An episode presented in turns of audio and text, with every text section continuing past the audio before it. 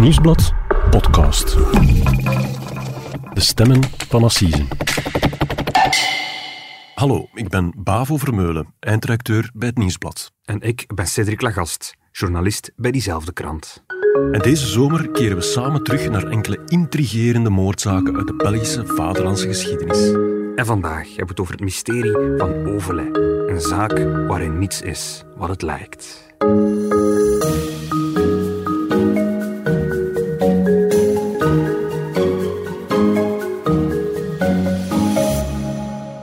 Hey Cedric, Dag Bavo. een nieuwe week, een nieuw verhaal. Ja. We gaan opnieuw samen in de archieven van Assise duiken, op zoek Mhm. naar verhalen die al lang gepasseerd zijn, maar die in die tijd zo spraakmakend waren, hè, het land echt in de ban hielden, maar eigenlijk vergeten geraakt zijn. Hè. Zo vat ik het toch goed samen. Absoluut, helemaal. En ons doel deze zomer, Bavo, is ook een klein beetje om iets bij te leren. Om eigenlijk een beetje te bekijken in hoeverre dat het Hof van Assisen doorheen de jaren veranderd is in vergelijking met vandaag de dag. Ja, en vorige week, helemaal op het einde, al zo een, eh, een tipje van de sluier gelicht. Het gaat om een heel mysterieuze zaak vandaag. Ja. Waar gaan we naartoe?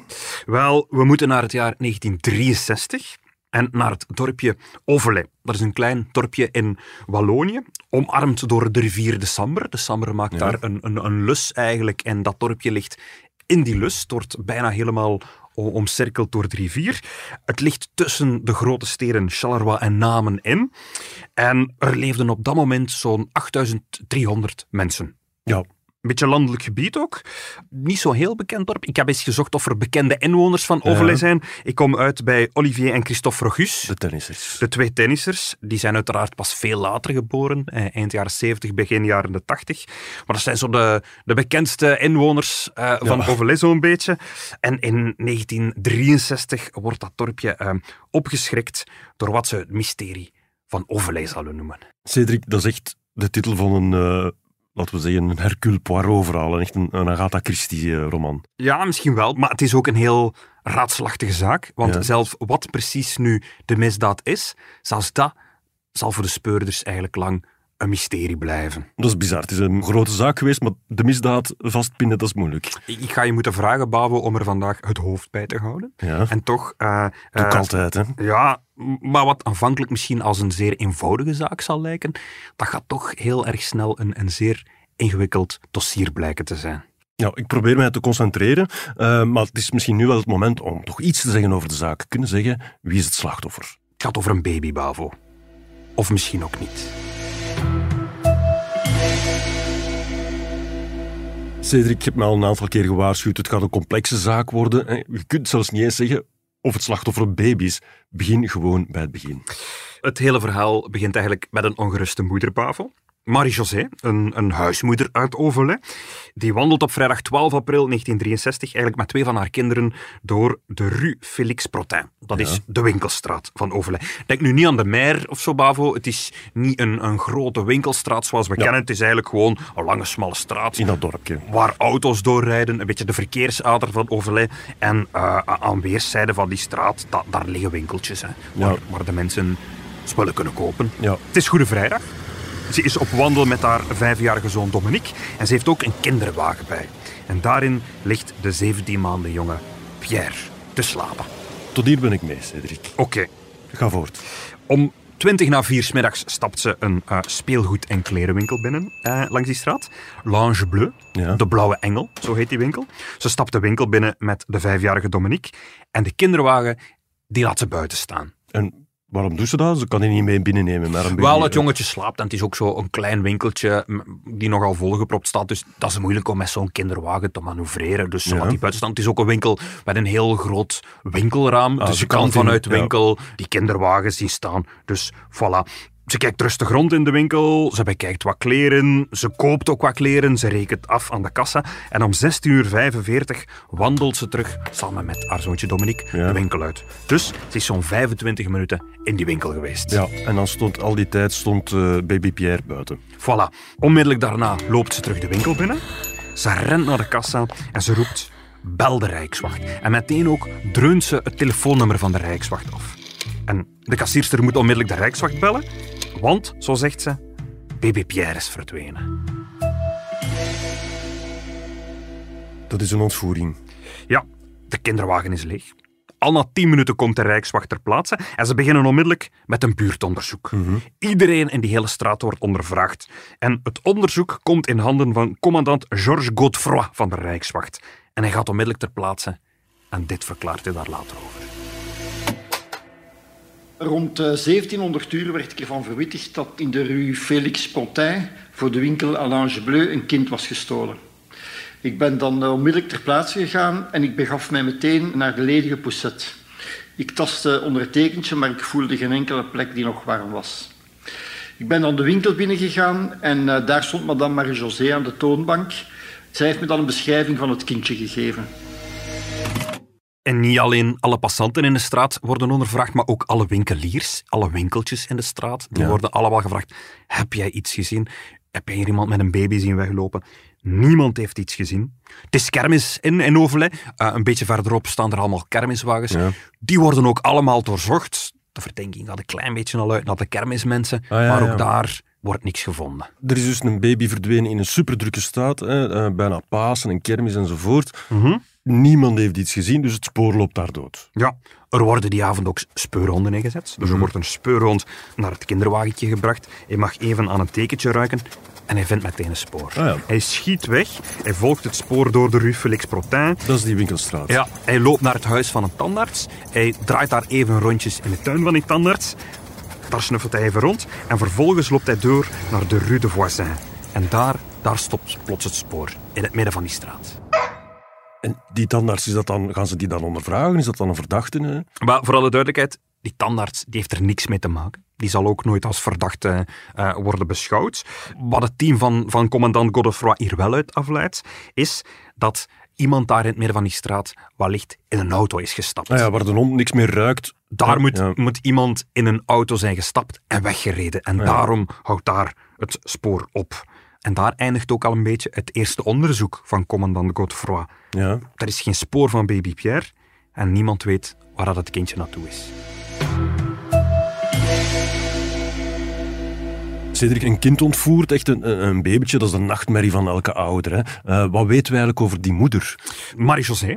Ze is eh, 33 jaar, huisvrouw en een klein beetje een bekendheid in, in Overlay. Want Ja. ehm, twee maanden voordien had de Bond der Grote Gezinnen, samen met een eh, plaatselijk radiostation, een verkiezing georganiseerd van de ideale huismoeder, van de regio Namen. Ja. En, en zij was een van de vijf vrouwen die naar voren gedragen waren als eh, Ja. ideale huisvrouw. Ja, en, En- dat is eigenlijk wel een beetje pijnlijk, want zo'n kandidaat huismoeder van het jaar, wat dan komt ze wel in het nieuws als iemand die haar op de stoep heeft laten staan. Ja, maar ik weet niet of dat, dat zo, zo vreemd was toen, Bavo, eh, in de jaren 60. Ik weet niet, nu zouden we dat misschien niet meer doen, maar ja, we leven nu in een andere wereld. Ja. En Overlee was ook een klein, rustig, landelijk dorpje. Ik, ik, ik denk dat dat niet zo ongebruikelijk was eigenlijk. Ik heb ook in al de dingen die ik er achteraf heb over gelezen, heeft niemand zich daar precies eigenlijk echt vragen over gesteld. Nee. Niemand vond dat raar. En ook haar buren trouwens, die, komen, die worden ook geïnterviewd in de kranten daarna. En die zeggen dat ze inderdaad de ideale huismoeder is. Ja. Dat ze inderdaad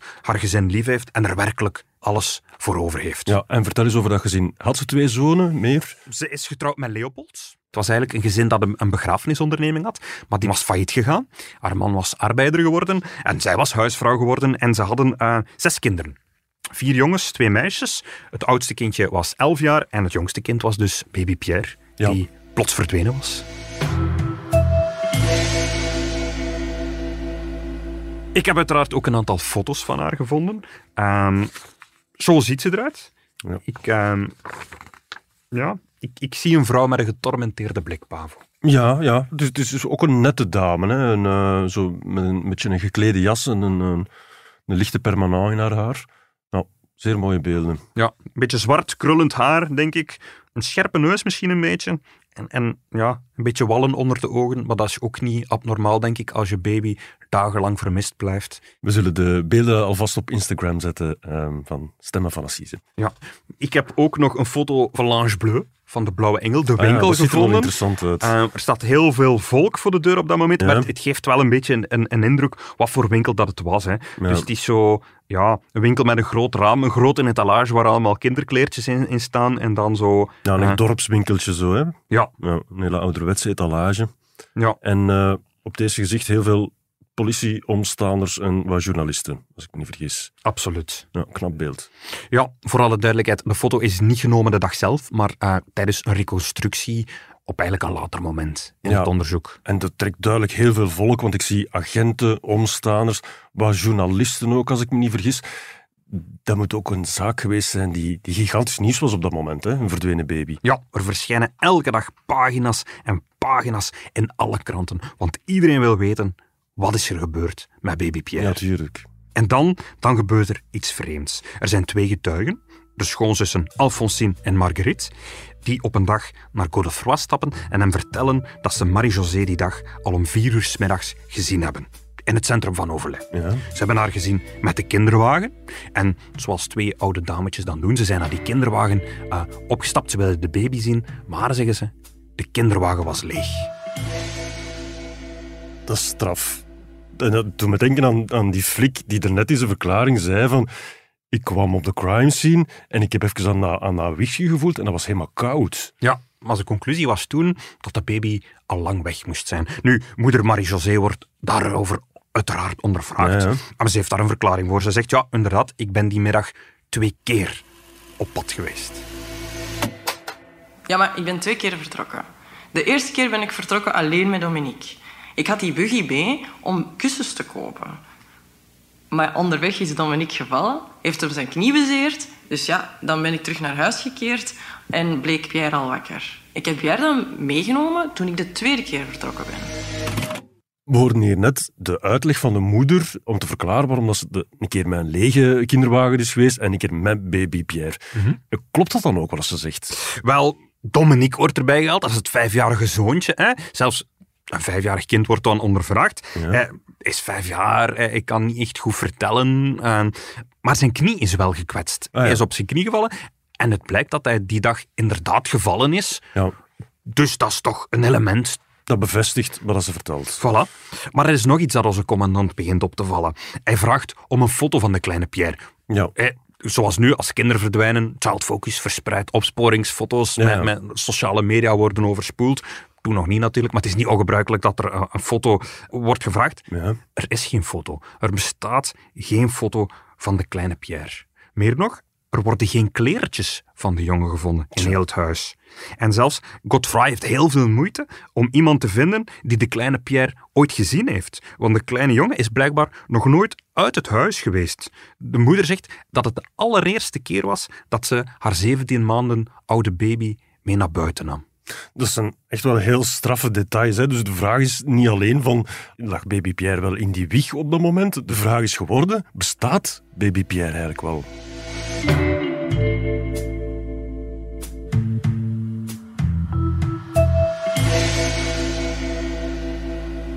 Cedric, ik ben mijn best hier aan toe, want je hebt gevraagd van je moet luisteren naar dat verhaal met open geest, hè, met, de, met de blik van een rechercheur, hè, zonder oogkleppen.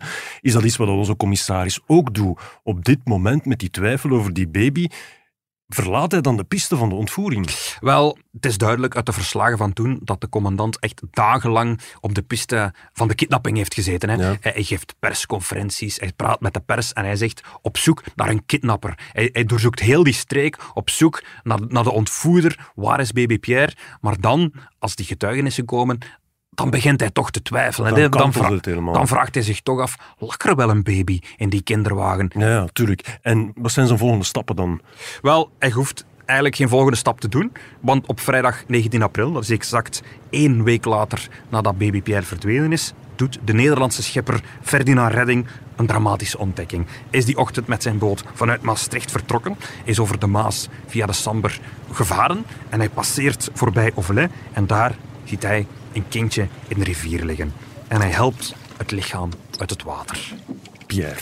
Wel, er wordt uiteraard onmiddellijk een link met de vermiste jongen gelegd. Ja. Maar als de dokter erbij komt, schat hij de leeftijd van het kindje dat daar gevonden is op twee tot drie maanden. En hoe oud was baby Pierre? 17 maanden. Ah, ja. Het kindje dat gevonden is, weegt amper 4 kilo 450 gram. Ja. En een gezonde baby van 17 maanden, die zou minstens 10 kilo moeten wegen. Ja, dus niet Pierre. Ja, als moeder Marie-José tot bij het lichaampje wordt gebracht, zegt ze dat dat haar baby niet is. Dus het is dan nog een andere baby die ergens vermist geweest is. Dat is wel een heel Raar toeval. Ja, het lijkt ongelooflijk dat er eigenlijk twee baby's op hetzelfde moment in dezelfde streek zouden verdwijnen. Ja. Ehm, het is ook ongelooflijk, want wat doet de commandant? Hij haalt er ook de grootmoeder bij van de jongen en Lilian, de zus van Marie-José. Hij vertelt hen niks, hij toont hen het lichaampje en zij zijn formeel.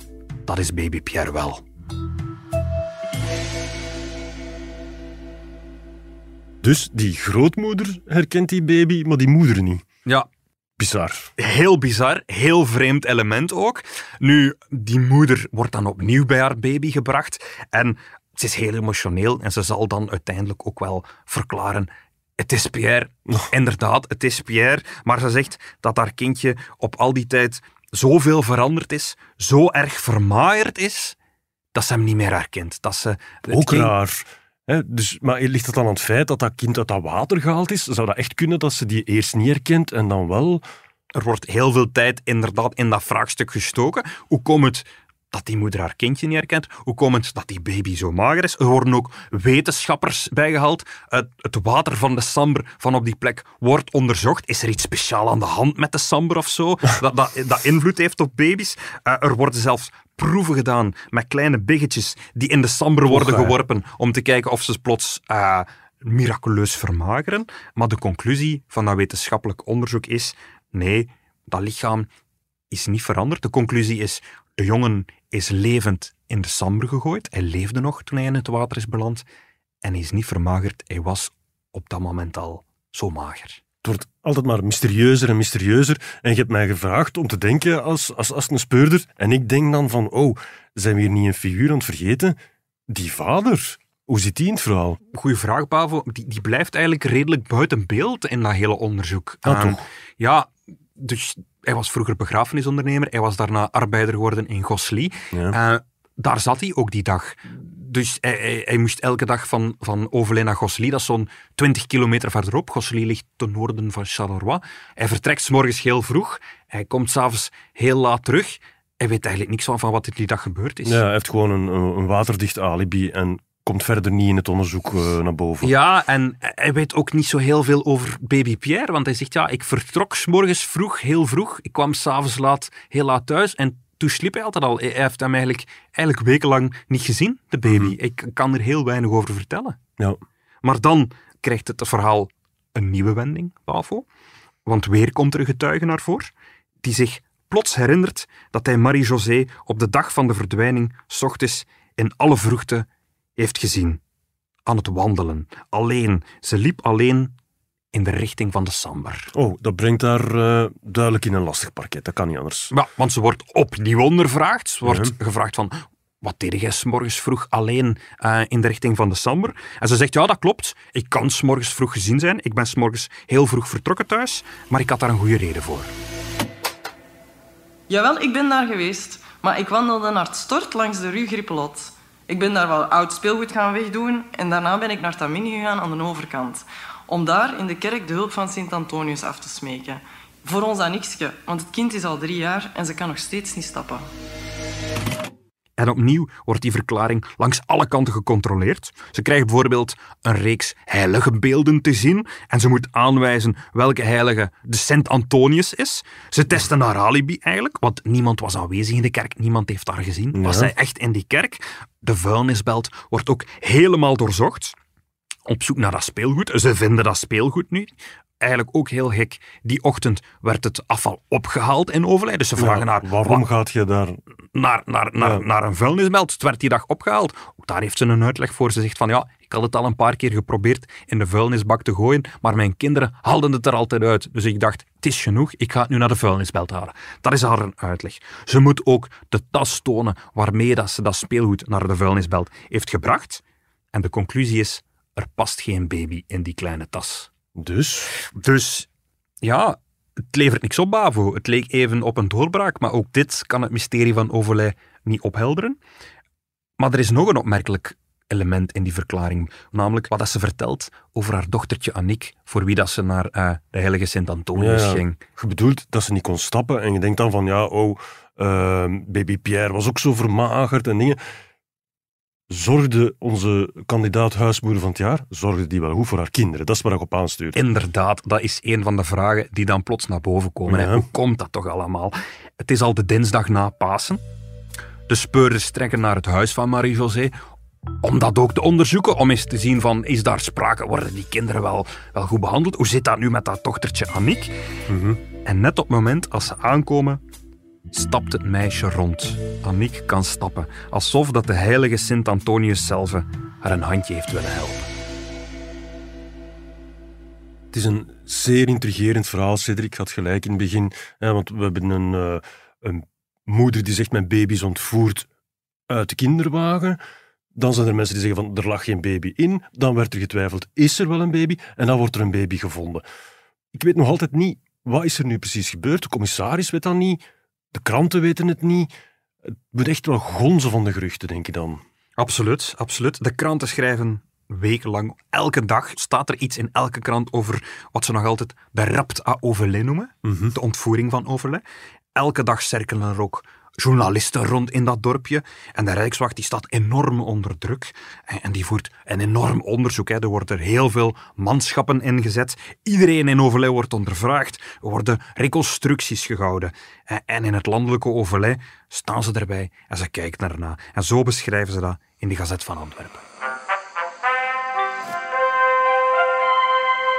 Overlay heeft ongetwijfeld de meest opwindende dagen beleefd van een bestaan dat tot hiertoe zonder geschiedenis was. Want dit is een van die verloren plaatsen, waar de boerenkarren nog traag door de stoffige kleine straatjes dobberen en waar iedereen iedereen kent.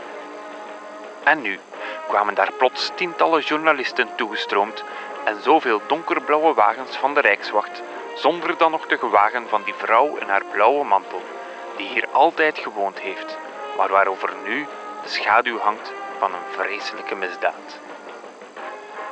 De mensen stonden toe te kijken met gesloten gezichten. Geen woord, geen commentaar. Buitenmensen die hun gevoelens niet kenbaar maken en zwijgzaam de overrompeling ondergaan van een wereld die ze alleen kennen van op televisie. S'avonds praten zij erover, als de gordijntjes toe zijn. En als je de kranten van die weken leest, dan voel je tussen de lijnen door dat de journalisten eigenlijk verwachten dat moeder Marie-José in verdenking zal worden gesteld. Ja. Dat ze officieel verdacht zal worden van de dood van haar eigen baby. Hè. En de moeder wordt op een dag ook opgepakt. Ze wordt 13 uur lang ondervraagd, maar ze breekt niet. En achteraf mag ze terug naar huis en de onderzoeksrechter zegt, er valt die vrouw niks te verwijten. Opnieuw geen stap verder. Dat, dat onderzoek ligt dan terug stil. Ja, en weer gebeurt er iets. Er zijn ondertussen drie getuigen die naar commandant Godefroy gekomen zijn en die vertellen dat ze Marie-José die middag door de rue Félix Protin hebben zien lopen Ja. met de kinderwagen. En zij hebben gezien dat er wel een kind in de kinderwagen lag. Dat meende niet. Dus toch. Ja, het gaat om een oude gepensioneerde man die thuis voor het raam zat en die haar heeft zien voorbijwandelen. Er is de 13-jarige Jean-Claude, die ook in de buurt woont en het kinderwagentje heeft gezien.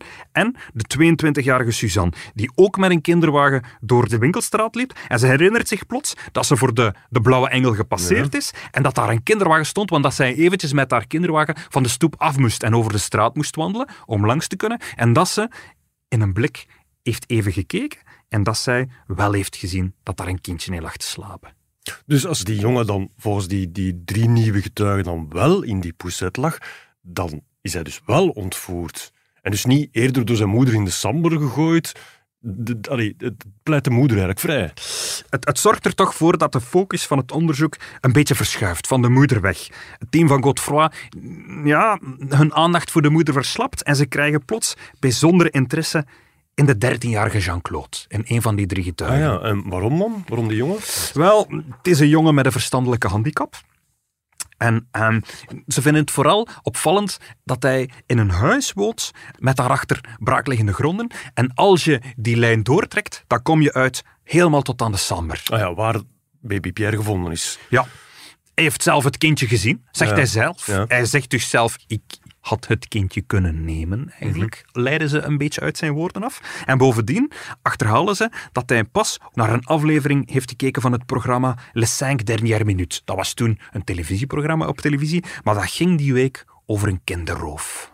Ah, en daarom pakken ze die van de drie getuigen eruit, omdat ze denken van, die heeft dat dan nagebootst. Een copycat. Hij heeft dat op tv gezien en heeft dat dan zelf gedaan. Ze denken, een beetje een jongen met een verstandelijke handicap. Hij heeft iets op televisie gezien over kinderontvoering. Hij heeft die, dat kindje ook zien liggen. Ja. Achter zijn huis kom je aan de stamberuit. Ja, ze doen 1 plus 1 plus 1. Ze ja. denken, hij heeft er iets mee te maken. Hij wordt urenlang verhoord, maar hij houdt vol dat hij er niks mee te maken heeft. En hij zegt, op het moment van de ontvoering was ik met een vriendje aan het spelen in het bos. Dat vriendje wordt erbij gehaald, die wordt ondervraagd en die bevestigt inderdaad, ik was bij Jean-Claude in het spelen aan het bos. En dus Jean-Claude wordt vrijgepleit, heeft de baby niet ontvoerd. Maar het betekent wel, als hij in het bos was, heeft hij baby Pierre niet zien liggen Ook niet zien liggen in die wieg. Ja, Nee. Maar er is dan, dan, dan valt er één getuige af, maar er zijn nog altijd twee anderen die wel die baby gezien hebben. Ja, ook die andere getuigenissen worden opnieuw onderzocht. De gepensioneerde man die zegt, ik heb het vanuit mijn raam zien liggen, die moet in zijn stoel voor het raam gaan zitten en ze passeren met de kinderwagen een paar keer voorbij dat raam. Ah, ja. En hij moet zeggen, ligt er een, een pop in of ligt er geen pop in? Ja. En het blijkt dat hij eigenlijk, van op de plek dat hij zit, dat hij niet in de kinderwagen Had kunnen kijken. had kunnen kijken. Ah ja, dus en er zijn, er zijn er al twee getuigen afgevallen van die drie. En de derde, is die dan geloofwaardig? blijft nog over die 22-jarige moeder met haar kinderwagen. Dat wordt ook uitgebreid beschreven in de kranten van toen, Pavo. En er is plots een vrouw die contact opneemt met commandant Godefroy en hem zegt...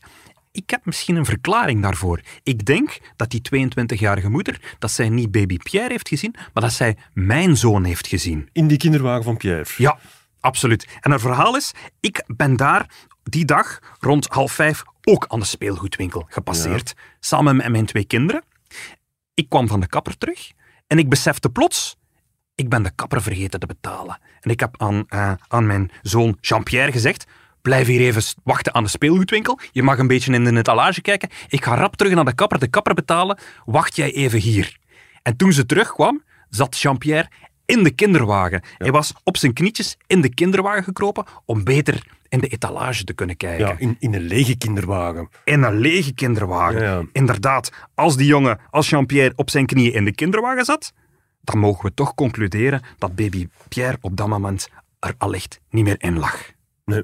Cedric, ik ga even samenvatten. Er waren drie getuigen die zeiden, wij hebben een baby gezien. Maar dan komt er daar dan een vierde bij die zegt, nee, nee, dat was mijn kind. Er zat geen baby in de kinderwagen. Inderdaad. En herinner je je nog die speurhond van op de eerste dag, Bavo? Die Ja. speurhond die het geurspoor volgde Tot aan de tandarts. tot aan de tandarts. Ja. Wel, de kleine Jean-Pierre Ja. is daarna met zijn mama naar de tandarts geweest. Oh nee. En is na die tandarts met zijn mama in de auto gestapt en weggereden. Ja, dus die speurhond heeft gewoon wel een spoor gevolgd en en een dekentje gesnuffeld naar de tandarts en naar die andere straat, maar die volgen gewoon een ander geurspoor. Ja, en ook de reputatie van de speurhond is daar gered, Bavo. Want in die tijd werd er al wat lacherig gedaan met de speurhond, die zomaar een geurspoor had gevolgd, Ja. zonder dat er een kind in de wagen lag.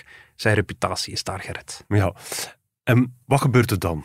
Wel, op 6 juni, bijna twee maanden na de verdwijning, wordt moeder Marie-José naar het gerechtsgebouw in Namen gebracht. En ze wordt opnieuw acht uur lang op de rooster gerecht door onderzoeksrechter Hubert Camilliot. En ze blijft erbij, haar zoon is ontvoerd. Maar het mag niet baten. En wat alle journalisten eigenlijk al heel lang verwachten, dat gebeurt ook. Ze wordt aangehouden, ze wordt in verdenking gesteld en ze zal voor het Hof van Assise moeten verschijnen.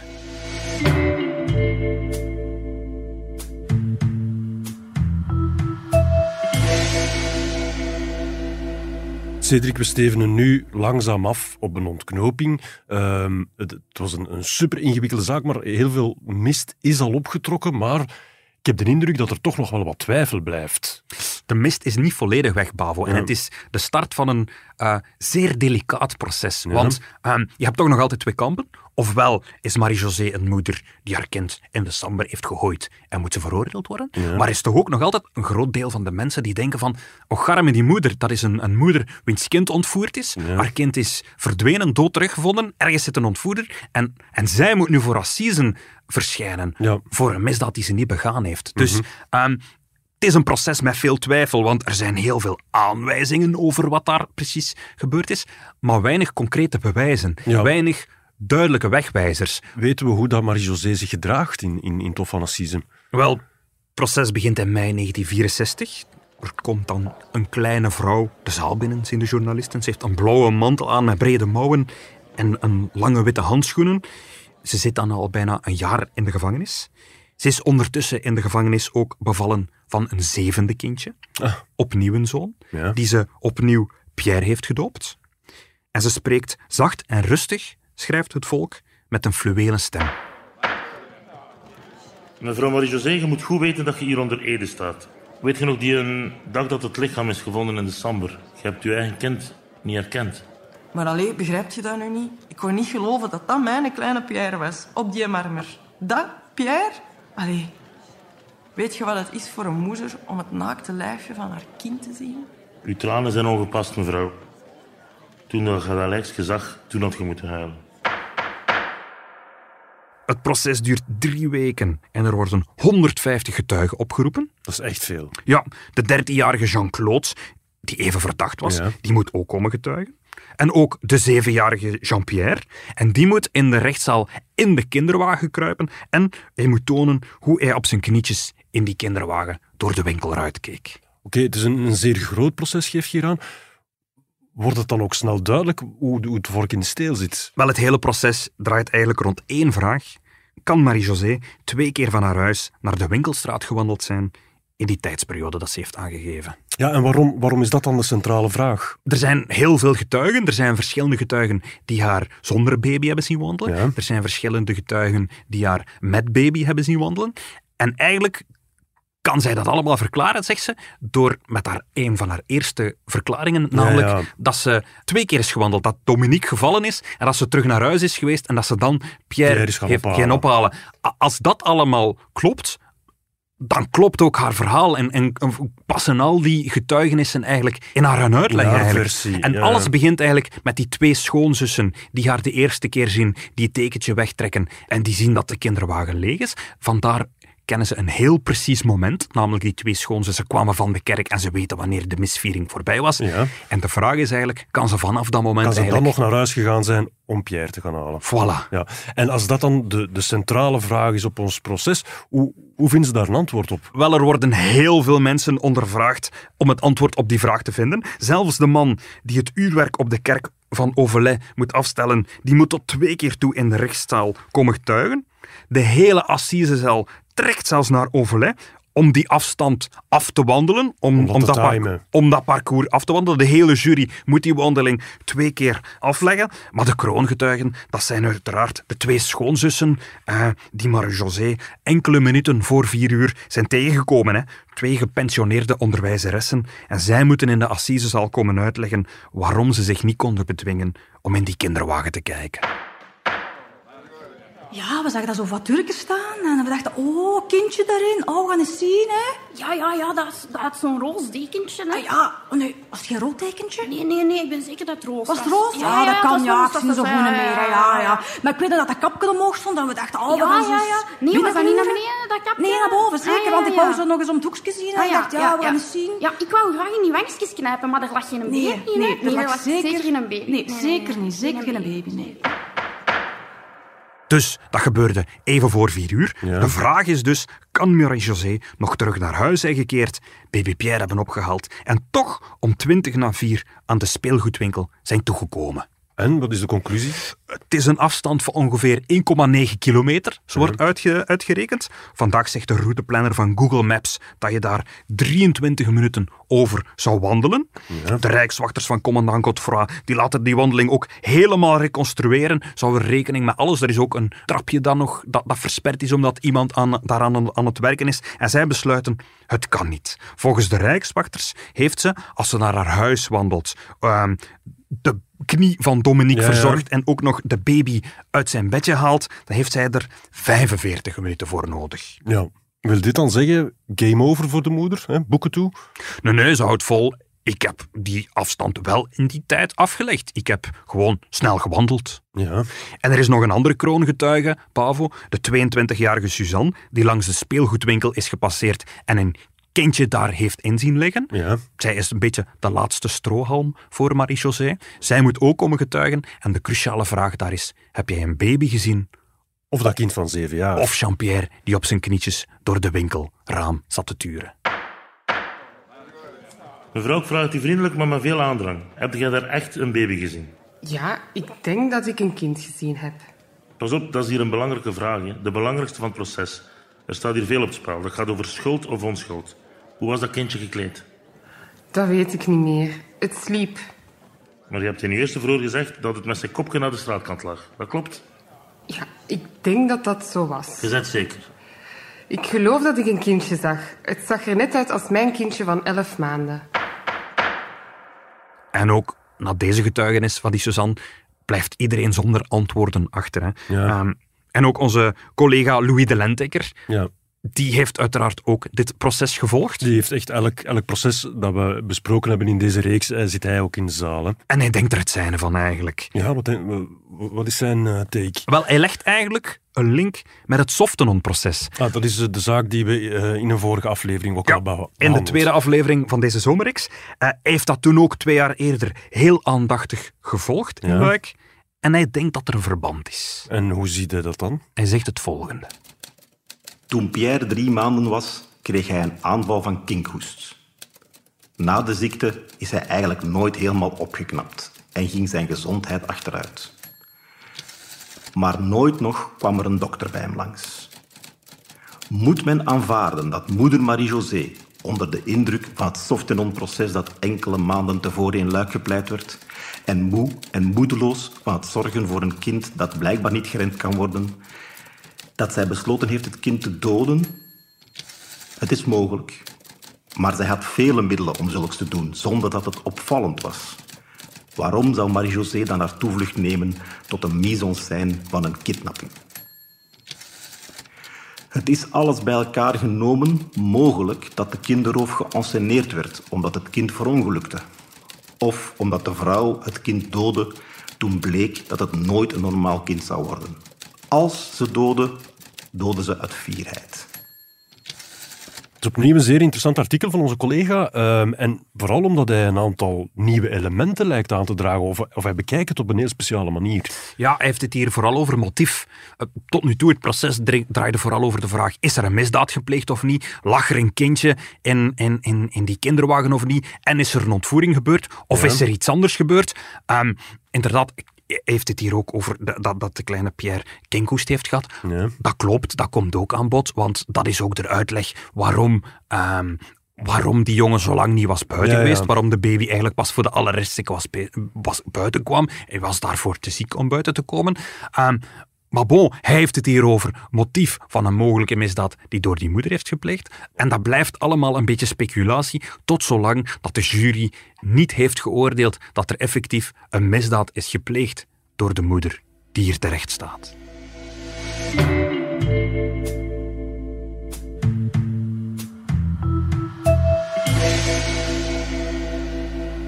Oké, Cedric.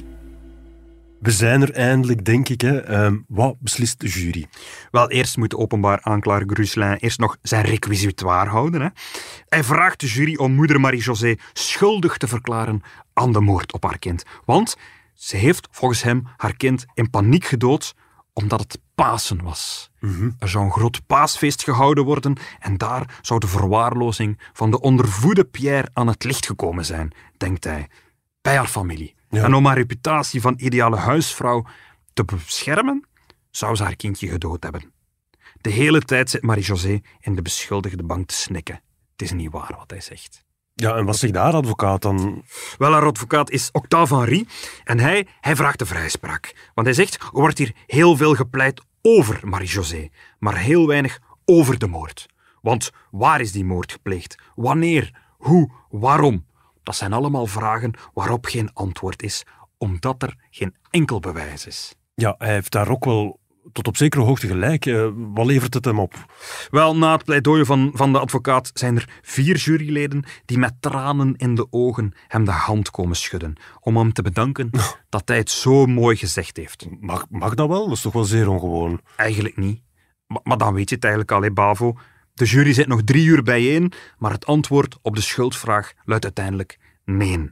Marie-José wordt vrijgesproken en de vrouw begint te schokken, te beven, te huilen op de beschuldigde bank en dan, dan glimlacht ze naar de jury. En in de zaal, in de zaal zelf is het stil. Geen gejuich zoals op het Softenon-proces. Daar is de vrijspraak als een complete verrassing gekomen. Ja, het is, het is een heel dramatisch einde eigenlijk, hè, zoals je het nu vertelt. Mhm. En dan mag ze eigenlijk gewoon naar huis. Het is gedaan. Onmiddellijk, ze mag recht staan en naar huis gaan. En als ze diezelfde middag toekomt in haar huis in overleg en haar kinderen na een jaar opnieuw in armen kan sluiten, dan staan de journalisten in haar keukentje erop te kijken. En van dat moment bestaan er ook foto's. Ah ja, je hebt die hier meegebracht. Ja, ik zie haar, eh, ze is inderdaad zeer gelukkig. Ze kust eh, een van haar zonen. En tussen haar en haar dochtertje in zie ik een babytje. En dat is dan eigenlijk de nieuwe Pierre. Dus het kindje waar dat ze van bevallen is in de gevangenis. Ja, en dat is een, een blozend kindje eh, dat plakt van gezondheid. hè. Ja, en met deze aandoenlijke apotheose, zullen we maar zeggen, komt er een einde aan het verhaal. Maar we zullen nooit weten wat is er dan echt met baby Pierre gebeurd. En dat is dan ook de reden waarom ze vrijgesproken is. Als er twijfel is, dan is dat altijd in het voordeel van de beschuldigde en dan moet de jury iemand vrijspreken. En wat er met baby Pierre uiteindelijk gebeurd is, komt dat ooit nog uit. Nee, het heet nog altijd het mysterie van overlijden. Bavo, Ja. weet mijn waarschuwing van bij het begin van deze aflevering. Ja. We weten eigenlijk nog altijd niet, was het nu moord? Was het een ongeluk? Was het een ontvoering? Was het geen ontvoering? We weten het niet. Er is nooit nog ehm, een tweede proces gevolgd. Er is nooit iemand veroordeeld voor de dood van baby Pierre. Het blijft een mysterie. Het is een, een, een zeer boeiende case geworden, deze aflevering. En wat, dat mij vooral bijblijft, zijn ja, alle moeite die er eigenlijk in het onderzoek gestoken is. Hè. Ze hebben eh biggen in de samber gegooid. Ze hebben een, een klokkenmaker op het proces ondervraagd. Ze hebben gevraagd aan een kind om nog eens op de knieën in die kinderwagen te gaan zitten. Het is eigenlijk heel, heel veel tijd en moeite in gestoken. Volgende week zitten we hier samen voor onze laatste aflevering. Kan je daar al iets over vertellen? Volgende week, Bavo, gaan we naar Brussel. Voor een proces eh, dat vlak na de Tweede Wereldoorlog is gevoerd. En dat ging toen over een man die in het hele land gevreesd werd. Zeer goed. Dan zien we elkaar volgende week. Tot volgende week, Bavo. Dit was De Stemmen van Assisen, een podcast van het Nieuwsblad. De stemmen waren deze week van Bavo Vermeulen en van mezelf, Cedric Lagast. De montage gebeurde door Benjamin Hertogs van House of Media. En de productie was in goede handen bij Bert Heijvaart en Joni Keimolen.